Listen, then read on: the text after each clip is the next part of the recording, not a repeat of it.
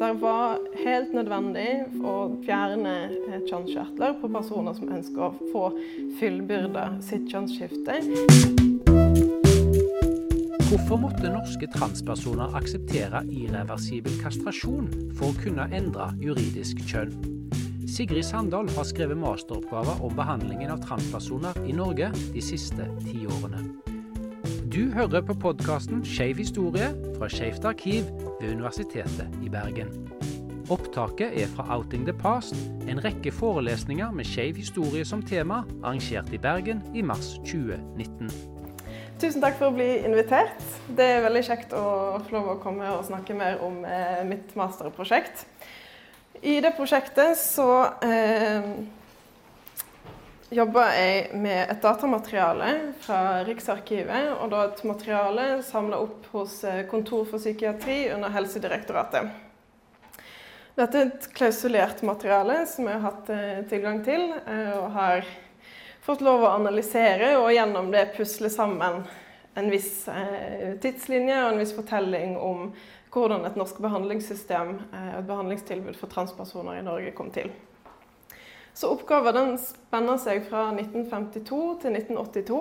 Eh, og jeg kommer i dag til å fortelle en del av den historiske bakgrunnen for en forvaltningspraksis som sto da frem til 2016 angående juridisk kjønn. Dere må tilgi meg underveis for at jeg bruker en del eh, gammeldagse uttrykk eh, og begreper på transfeltet. Jeg kommer til å bruke de begrepene som er brukt i den tiden jeg snakker om. Så om ting er utdatert og politisk ukorrekt, så har det en grunn, og jeg kommer ikke til å prøve å pynte på historien. Så Mye av den veldig tidlige medisinske eh, behandlingen rundt transpersoner i Europa den kan vi måte, spore tilbake til eh, 1930-tallet. Og enda tidligere til det tidlige 1900-tallet og en begynnende sexologisk forskning eh, i Europa. Noen av dere kjenner kanskje til Lilly Elbe, eh, tidligere Einar Wegner, som var dansk eh, og fikk kjønnsskifteoperasjoner på tidlig 1930-tallet. Den gangen var ikke transplantasjonsteknikken det den er i dag, og hormonbehandling var heller ikke inne i bildet. Så dessverre så er Lilly Elbe et mer sørgelig kapittel i den medisinske historien. Men går vi videre til etter andre verdenskrig, så dukker det opp en annen person som eh, vi skal hefte oss litt ved. Nemlig Kristine Jørgensen. Jørgensen var født George Jørgensen i New York av danske foreldre. Og hun reiste til København på det tidlige 1950-tallet og kom der i kontakt med en endokrinolog, altså en hormonspesialist, som heter Christian Hamburger. Og han lot seg overtale til å gi Jørgensen en hormonbehandling eh, og også operasjoner eh, for å gjennomgå et type kjønnsskifte. Den hormonbehandlinga var ganske intensiv og ble veldig nøye fulgt opp eh, av Christian Hamburger og forskerne. Så den forskningsartikkelen som kommer ut av Jørgensen sitt eh, hormonopplegg, det er faktisk den første medisinske artikkelen som viser hvordan tilføring av østrogen i en biologisk mannlig kropp også undertrykker og forhindrer en testosteronproduksjon. Så det er også et lite historisk stykke i endokrinologien. Noe av det som er spesielt med Jørgensen sin fortelling, er ikke bare at hun er den første anerkjente vellykka eh, kjønnsskifteopererte, men òg den mediesensasjonen som hun ble. Da Jørgensen vendte tilbake til New York i desember 1952, så sto avisreporterne klare på flyplassen for å ta bilder av denne tidligere soldaten som reiste til Europa og kom tilbake som en blond skjønnhet. Medieoppmerksomheten rundt Jørgensen mildt sagt enorm. Eh, det ble skrevet om ham på fremsider over hele verden, og også norske nasjonale og regionale aviser skriver om Jørgensen i desember 1952. Og Legene som behandler Jørgensen i København, de fikk over 2000 henvendelser fra transpersoner over hele verden som spurte om ikke også de kunne få et kjønnsskifte. Og blant disse er det ikke et helt ubetydelig antall nordmenn. Og det er noe som norske helsemyndigheter biter seg merke i.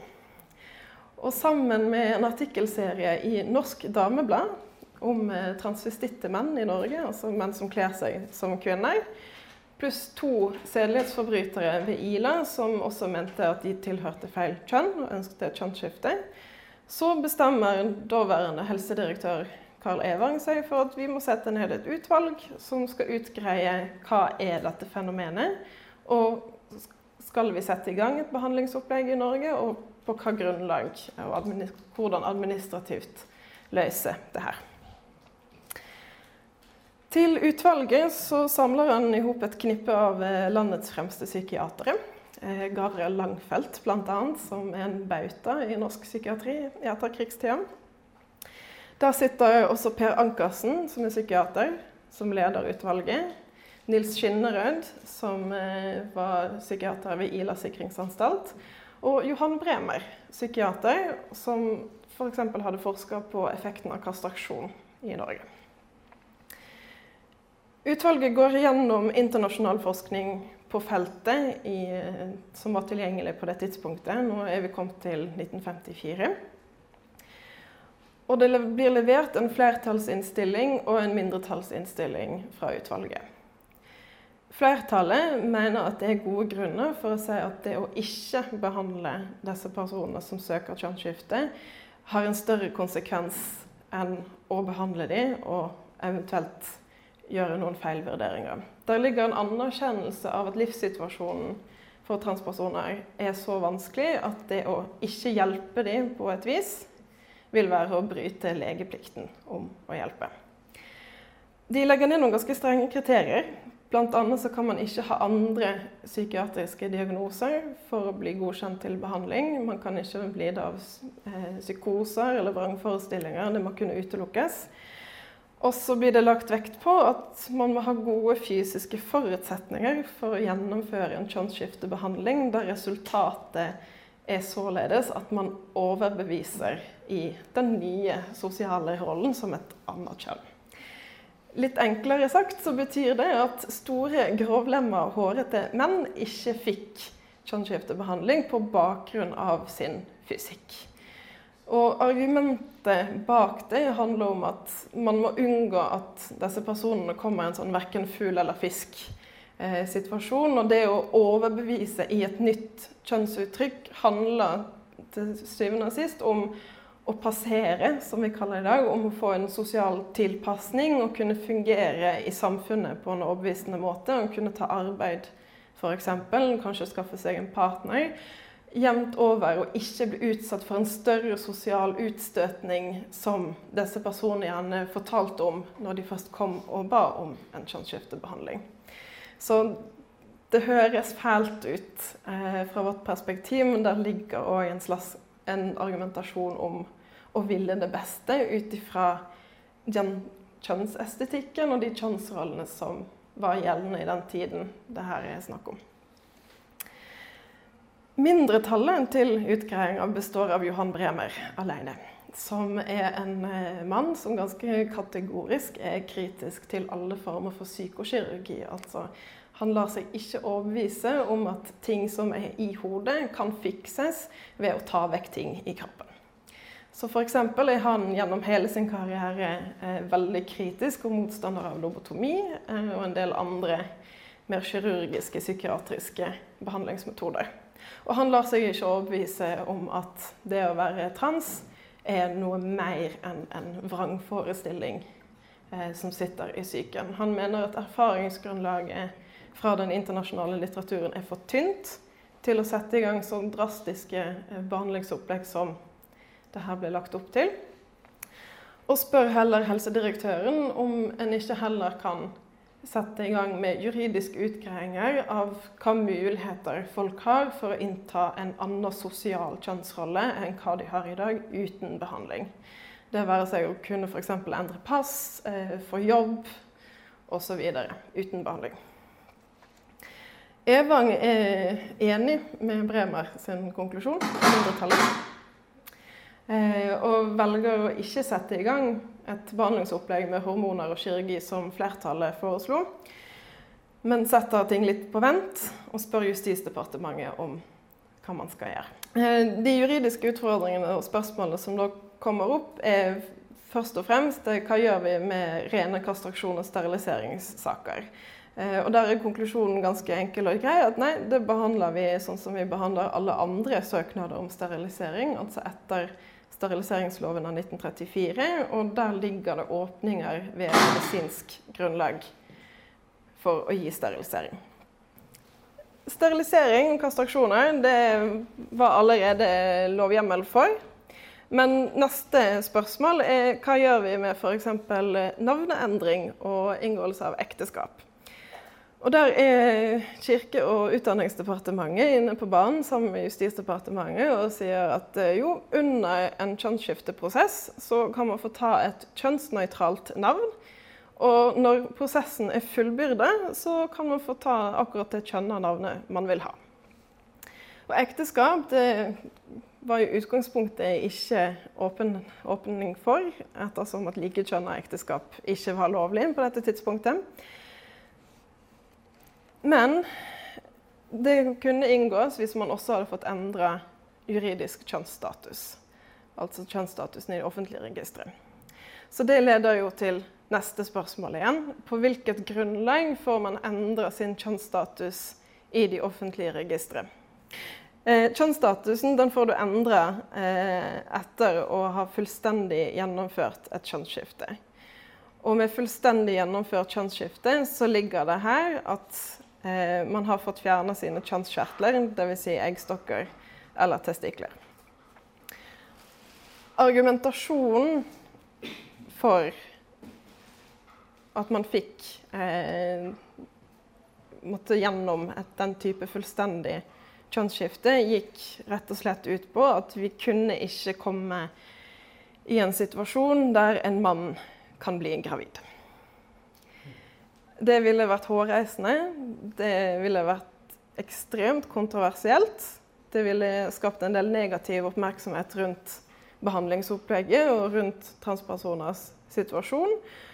Og mye så forutså man da, da snakker vi tidlig i 1960-tallet, at skulle noe sånt skje, så ville den kontroversen eh, og skandalen rundt dette her slå beina under det behandlingsopplegget som man hadde klart å få på beina. Så det handler om å holde på en viss samfunnsorden, en viss kjønnsorden eh, i samfunnet, og også beskytte det behandlingsopplegget som man hadde klart å få frem. Og det behandlingsopplegget det sto og hvilte på enda en juridisk avklaring som kom tidlig på 60-tallet. Og det handler om hvorvidt et kirurgisk inngrep som å fjerne penis i det hele tatt var lovlig. Kastraksjon, ta testikler, det har vi liksom avklart det er greit etter steriliseringsloven. Men hva gjør vi når vi har lyst til å fjerne et friskt organ hos et friskt menneske? For grov skade på kropp og legeme vil jo det vanligvis være når man fjerner noe friskt fra en frisk person uten den offisiell diagnose. Så diskusjonen går, og Justisdepartementet bruker tid på å komme fram til at handler det om å avverge en medisinsk nødstilfelle hos pasienten, så vil det være lovlig. Da har vi bestemmelser i straffeloven som sier at ved medisinsk nødvendige tilfeller så har man lov til å gå inn og amputere en fot f.eks. Eller gjennomføre en kjønnsskiftebehandling som innebærer å fjerne kjønnsdeler. Så med det så gir myndighetene grønt lys, men de legger òg det fulle og hele ansvaret på den behandlende lege. Så da er det i hovedsak Jørgen Herman Vogt psykiater som tar for seg alle kvinne-til-mann-pasienter. Og Per Ankersen, som leder utgreiingen levert i 1956, som tar for hånd om eh, alle mann-til-kvinne-pasienter. Og disse her to har sine uformelle sammen... har sine uformelle eh, samarbeid eh, med kirurger og endokrinologer ved Rikshospitalet. Så det foregår operasjoner i perioden fra 1963 til 1979 som ikke er en del av et offentlig kjent helsetilbud. Og jeg har grunnlag for, ut fra mitt materiale til å se at det er 14 personer som mellom 1963 og 1979 gjennomgår en kjønnsskiftebehandling i Norge. Det som er spennende som skjer etter 1979, er jo at et visst Oslo helseråd sin rådgivningstjeneste for homofilien, de er jo kommet på beina. Og de treffer stadig flere personer som kommer inn med en kjønnsidentitetsproblematikk, og oppdager at de ikke har et offentlig plass å henvise disse personene videre til. De kjenner sjøl at de ikke har god nok kompetanse til å håndtere disse personene på en god måte, og ønsker et offentlig tilbud å vise disse personene videre til. Og med det så starter et formaliseringsarbeid som eh, tilsynelatende ikke helt avsluttes i 1982 det diskuteres fremdeles. Og det arbeidet kulminerte jo i det vi i dag kjenner som Nasjonal behandlingstjeneste for transseksualisme ved Rikshospitalet. De retningslinjene som Oslo helseråd la ned og foreslo, er det heller usikkert hvorvidt ble implementert og på hvilken måte. Blant annet så ligger det der et forslag om å ivareta de pasientene som man er nødt til å avvise fra behandling. Og behandlingstilbudet legger jo seg på de premissene og de avklaringene som kom på 1960-tallet. Det var helt nødvendig for dem å fjerne kjønnskjertler på personer som ønsker å få fullbyrda sitt kjønnsskifte, med den enkle argumentasjonen at det ville være for kontroversielt, for vanskelig, om menn kunne gå gravid. Og den praksisen sto fram til 2016 da vi endelig fikk en ny lov om juridisk kjønn i Norge. 30 år etter Sverige. Og da tror jeg jeg skal avslutte der. Du har hørt på podkasten Skeiv historie fra Skeivt arkiv ved Universitetet i Bergen. Husk å abonnere for å få med deg alle episodene.